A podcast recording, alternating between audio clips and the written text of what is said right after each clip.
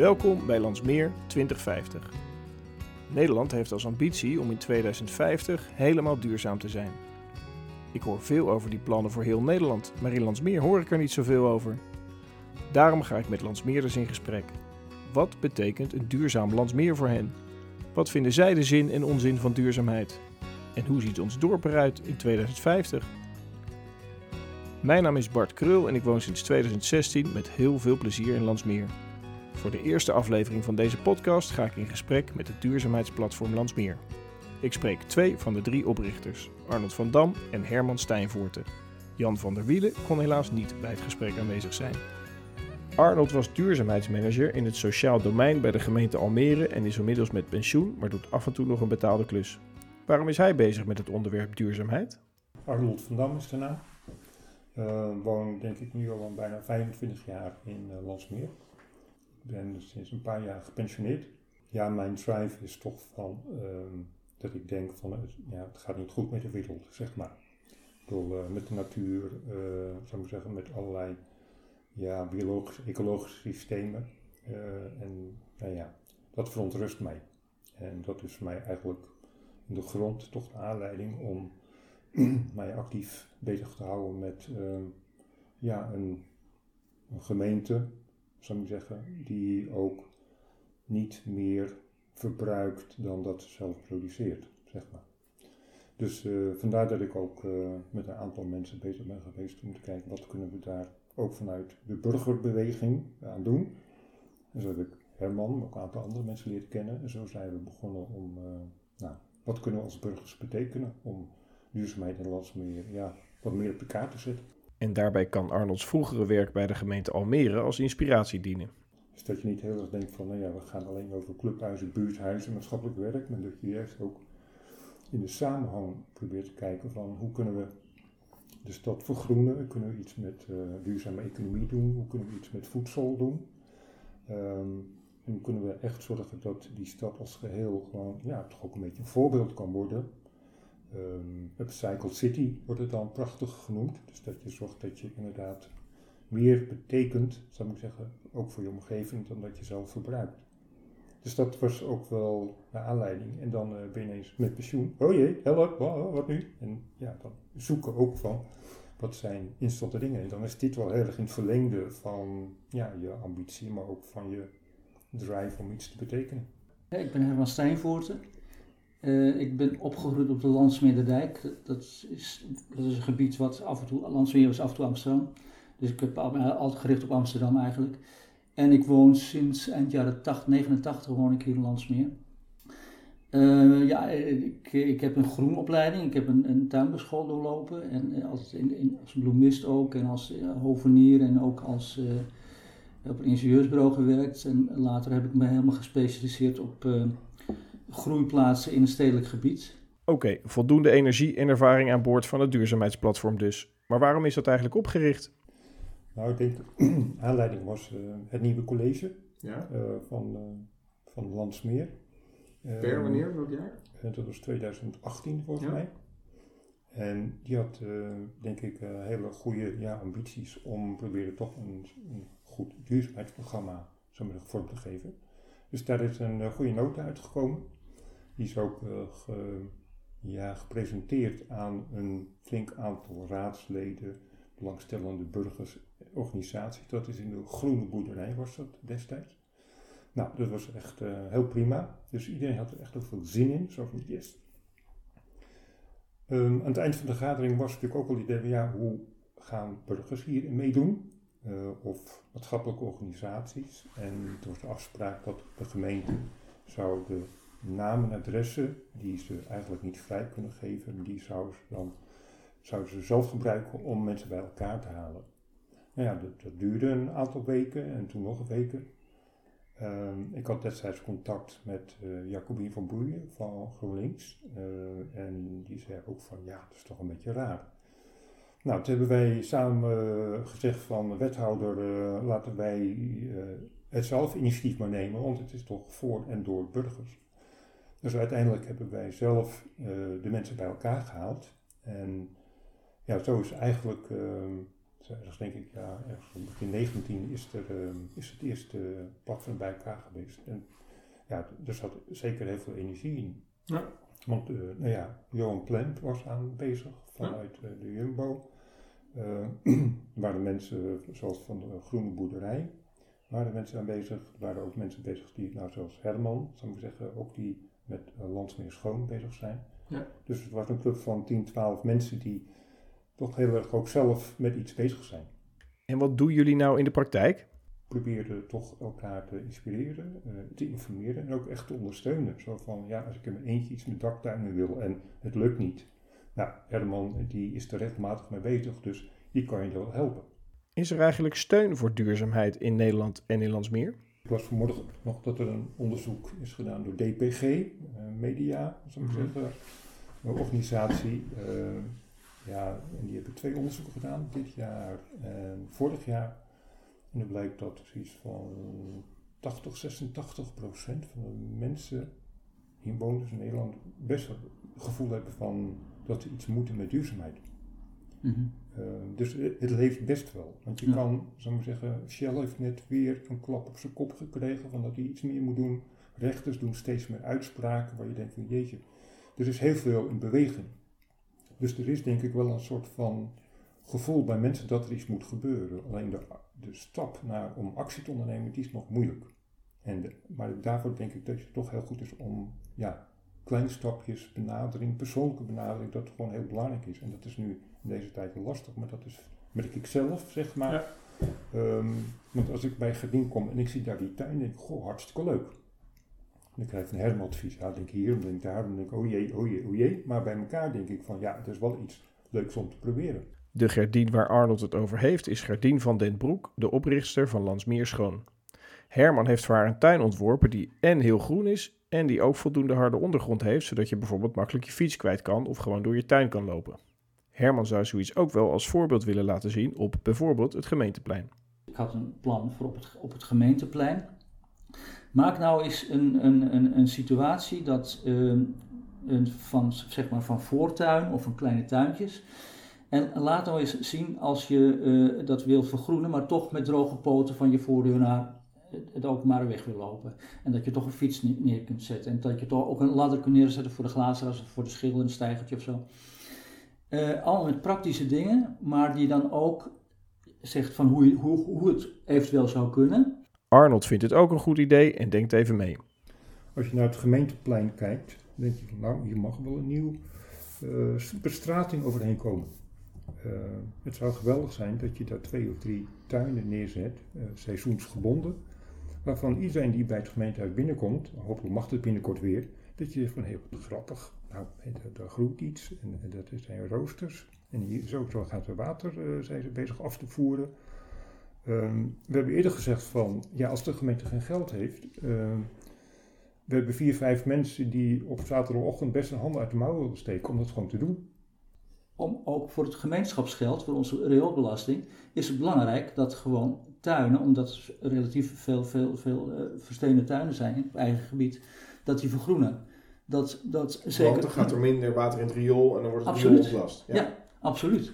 Eh, nou, minder hittestress. Mhm. En ehm, dus voor de gemeente is het een, een, een, een bezuiniging op termijn. Het is een investering voor een. Dus, dus het is niet alleen. Want je moet niet. eh, eh, ja, dat le- leuk tuinieren. Ja, leuk tuinieren. Maar die mensen vinden het niet leuk. Nee, echt. Het, het- een argument is niet alleen ook milieu, het is ook portemonnee. Hè? Ja, ja. Ik maar, denk dat dat. Dan mag ik het niet met je eens zijn, eh, maar voor mij zijn we het juist wel met elkaar eens. Als jij net zei van het is belangrijk dat we een voorbeeld kunnen hebben waar mensen kunnen zien, hé, wat is dat? Ja, Dan vind ik het een goed voorbeeld Ja. om daar iets te doen. nee, wil niet- helder. Ja, Ik ja. wil niet zeggen dat je daar het alleen moet doen, maar dat je, bijvoorbeeld ook met bordjes, met informatie, met Ja, folders, ja, met toelichting. Een groene tuin is goed voor de portemonnee omdat de aanleg van bestrating een stuk duurder is dan gras of beplanting. Maar dan moet de aanleg en het onderhoud wel goed gebeuren. Vandaar zo'n voorbeeldtuin met infoborden erbij. Een ander voorbeeld is zwerfafval, want daar ergert Herman zich enorm aan. En wie niet?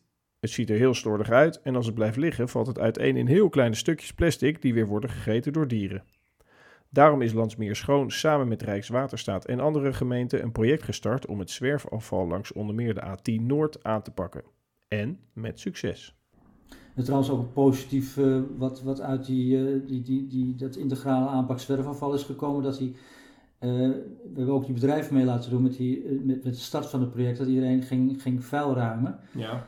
En de wethouders waren er ook bij. De wethouder van Landsmeer, de wethouder van Amsterdam-Noord ontmoetten elkaar daar. Bij de McDonald's doet trouwens heel veel eraan. En maar in ieder geval die, die, die BP, want we hadden heel veel last van die, van die, van die plastic handschoentjes. Hè? Dat kunnen ze veel te goedkoop maken, dat is, Ja. dat, is, dat is het probleem. En, eh, want waarom heb je, als je denkt dat je vieze handen krijgt, zelf niet een paar handschoentjes bij? Maar goed. Eh, dat, maar dat waait heel makkelijk weg uit die automaten. En dat eh, ligt echt honderden meters verderop in sloten. Het gaat in het gras groeien. Nou ja, gruwelijk hè, als je erover na gaat denken. Eh, wat de gevolgen daarvan zijn, op termijn ook. En hun hebben meegedaan en hun zijn geschrokken. En die filiaalmanager is, wilde dat niet meer op zijn terrein hebben. Dus die is dat, die, die automaten naar binnen gaan halen, dat het niet weer weg kan waaien. En toen kreeg hij op zijn zotemieter van het hoofdkantoor, moest het weer naar buiten doen. Oh, oké. En, eh, maar het zaadje was wel, eh, eh, het kiempje was wel gelegd, want hij heeft het toch weer binnengehaald en hij heeft er dus alternatief iets met papier, papieren, Papier, ja, precies. papieren ja, nou ja, dat je handen schoon kan maken. Ja. Eh, wij hebben aangeboden met Johan Plemp ook van zo'n handwasding Ja, met een lotion, wat je nu overal ziet met, met die corona natuurlijk, Mhm. maar dan bij die tankstation. En ehm, nou ja, ehm, eh, ja, dat zijn afhankelijk van hoofdkantoor, maar hij heeft het nu inderdaad heeft hij het niet meer buiten hangen. oké. Nou, dat is toch leuk, hè? En- ja, je ziet in de resultaten, wat wij dus eh, met, met die berm schoonmaken, je ziet dus dat het enorm helpt. Je, Ja. je, komt het nog nauw- nauwelijks tegen. Dus het kan. Maar stel dat je zelf met je huis aan de slag wilt, wat kan je nou het beste als eerste doen? U vroeg net van eh, waar zou je nou moeten beginnen hè, Ja. Landsmeer. Ehm maar ik denk dat ehm, inderdaad met eh, zonnepanelen, omdat het zo kostenbaat direct voor de mensen Ja. duidelijk is. Hè. Ik heb zelf ook zonnepanelen. In de zes of zeven jaar heb ik, heb ik het eruit. Ik zie elke maand van, ehm, nou ja, zou ik zeggen, de opbrengst van mijn zonnepanelen. En ik zie ook eh, dat mijn kosten voor elektriciteit pff, gewoon echt naar beneden Daar word je gaan. blij van. Dus daar word je wel blij van, ja. En tegelijkertijd denk ik ook van, eh, nou, het is ook goed voor het eh, milieu. En je ziet om je heen dat het ook wel steeds toeneemt. Dus dat is iets, wel iets wat gelukkig ook door de gemeente wordt opgepakt en wat je ook echt uit moet rollen. Herman wordt ook blij van de besparingen die hij heeft gerealiseerd op zijn energierekening. Ik ben van een, zeg maar, een, een, een- dat spreekt mensen ook aan, ik ben van een maandbedrag, ik heb een hoekwoning, zo'n haven, havenzatenhuis, een hoekwoning, van 185 euro per jaar eh, naar, ik zit nu op 54 euro per jaar. Per maand. Of per maand bedoel ik, Ja. per jaar, sorry, belachelijk. Eh, maar, eh, Ja, de energiekosten, ja, Ja. energierekening is van 185 naar Ja. 54 gegaan. ja, en ik heb, en dat terwijl ik, al, ja. Terwijl ik nog een tocht heb, dus ik heb het oudere deur. Ik heb achter in mijn keuken heb ik nog gewoon, gewoon een gamma deurtje die ik er zelf ooit heb ingezet. Dat begint slecht te worden, maar ik heb dus nu een nieuwe deur eh, voor en achter besteld en ook nieuwe ramen, nieuwe kozijnen. Waardoor ik dan hopelijk die tocht kwijt ben en dat er ook, en dan komt er ook meteen dat trippelglas in. Dus dat wordt een enorme, weer een enorme Ja. verbetering in de, En wat is nou de belangrijkste ingrediënten om tot zo'n besparing te komen? Hoe heb je dat gedaan? eh, isolatie. Alleen maar isolatie. Dat is, dat is het meest betaalbare en, en, en eh, het meest effectieve. Herman vergeet even te zeggen dat hij die mooie besparing niet alleen met isolatie heeft behaald. Hij heeft ook een combinatie van zonnepanelen met een warmtepomp laten installeren. Is dat bij jou ook zo, zo'n besparing, eh, Arnold, eh, sinds je zonnepanelen hebt? Ehm, nou, niet zo, niet zo heel erg als eh, bij Herman. Eh, dat komt ook omdat ik geen warmtepomp heb. Ja. zeg maar. Maar, ik heb wel vloedisolatie. Ja. Ja. dat heeft iets opgeleverd, maar toch ook niet zo heel veel. Ja. Ook qua gerief, zeg maar, qua gevoel zo in de woonkamer. Ehm, maar er was nog oudere gevelisolatie. We hebben wel dubbel glas genomen Mhm. en ook zonnepanelen. Maar dat is dan zo ook om de kosten omlaag te brengen. Ehm, ja, ik ben volgens mij van 175 naar 135 eh, in het eerste jaar. Nou, op zich prima. Het is ook een, een dubbel doel. Ja. Het gaat ook Ja, om ja, eh, ja, ja, zeggen, dat je ja. iets wil betekenen Ja. en het is eh, meegenomen. Maar hoe pak je dat dan aan? Waar en wanneer begin je? Als je dus een verbouwing aangaat, dat is het moment dat je dus zou, zou kunnen, kan denken aan, aan, aan eh, isolatie. En dat, dat is het moment dat mensen goed geïnformeerd moeten worden. Want nu gebeuren er heel veel verbouwingen, mensen met die gevelplaten die bezig zijn.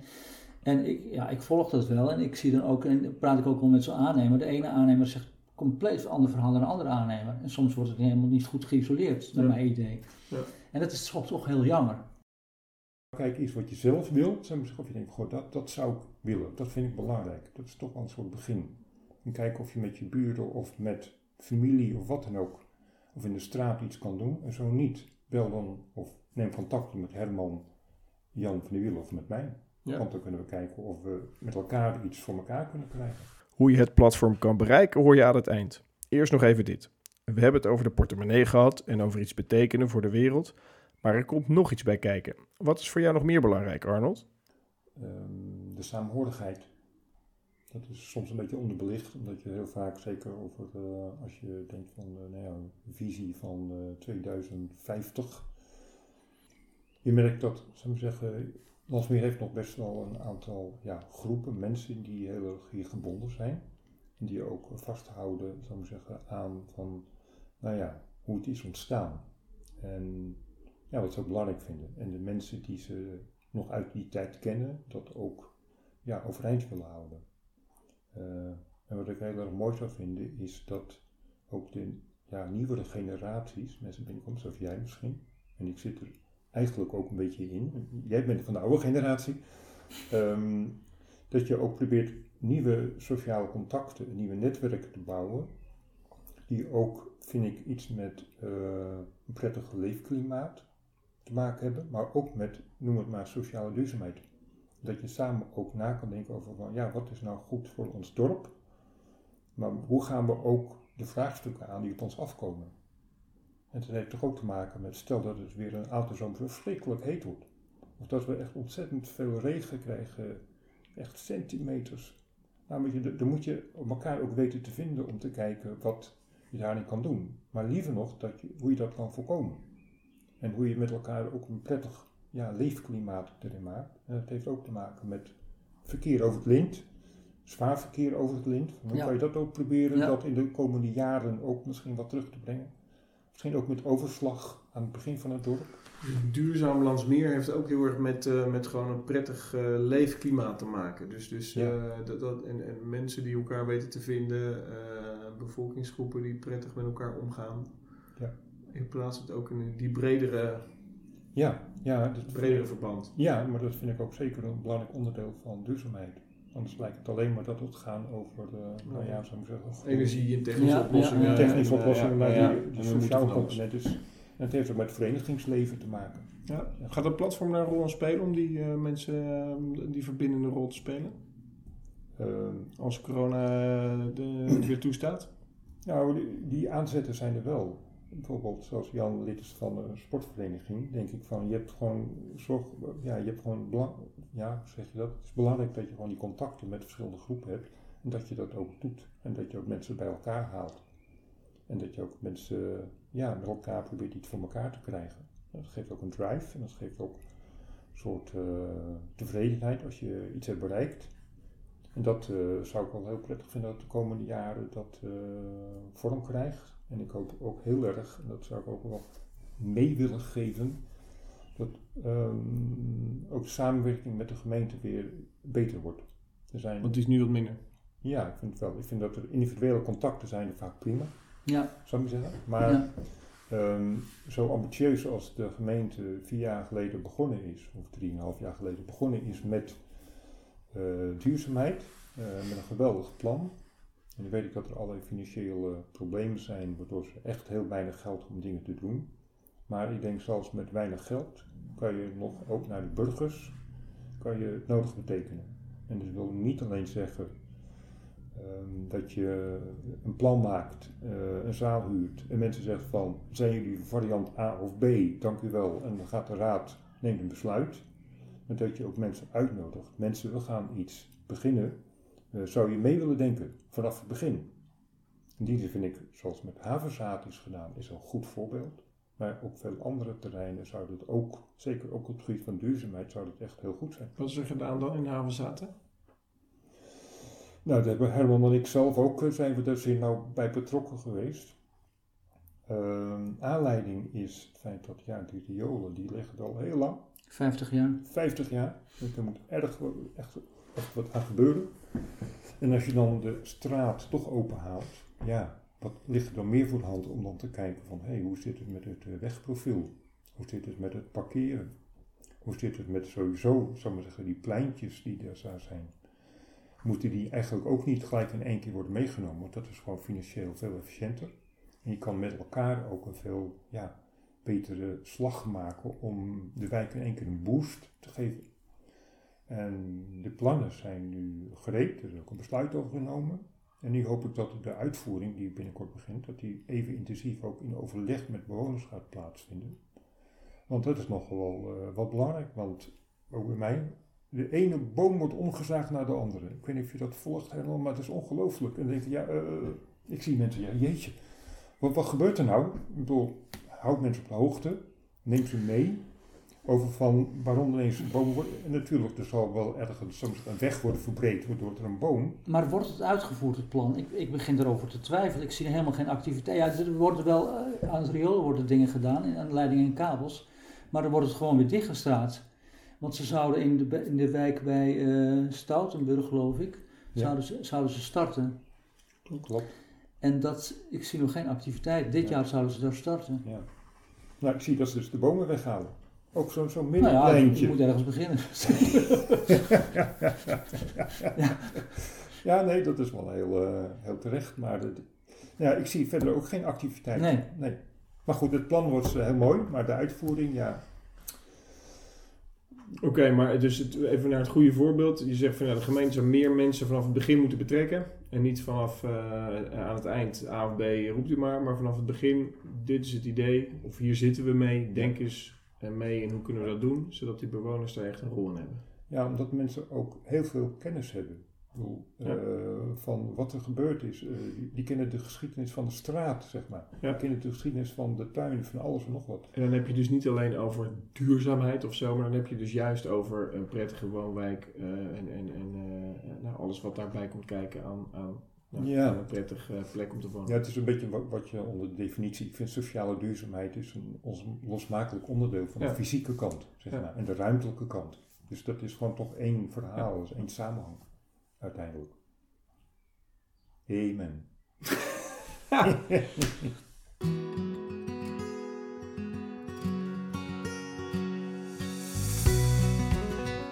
Met deze vrolijke noot eindigt de eerste aflevering van de podcast Landsmeer 2050.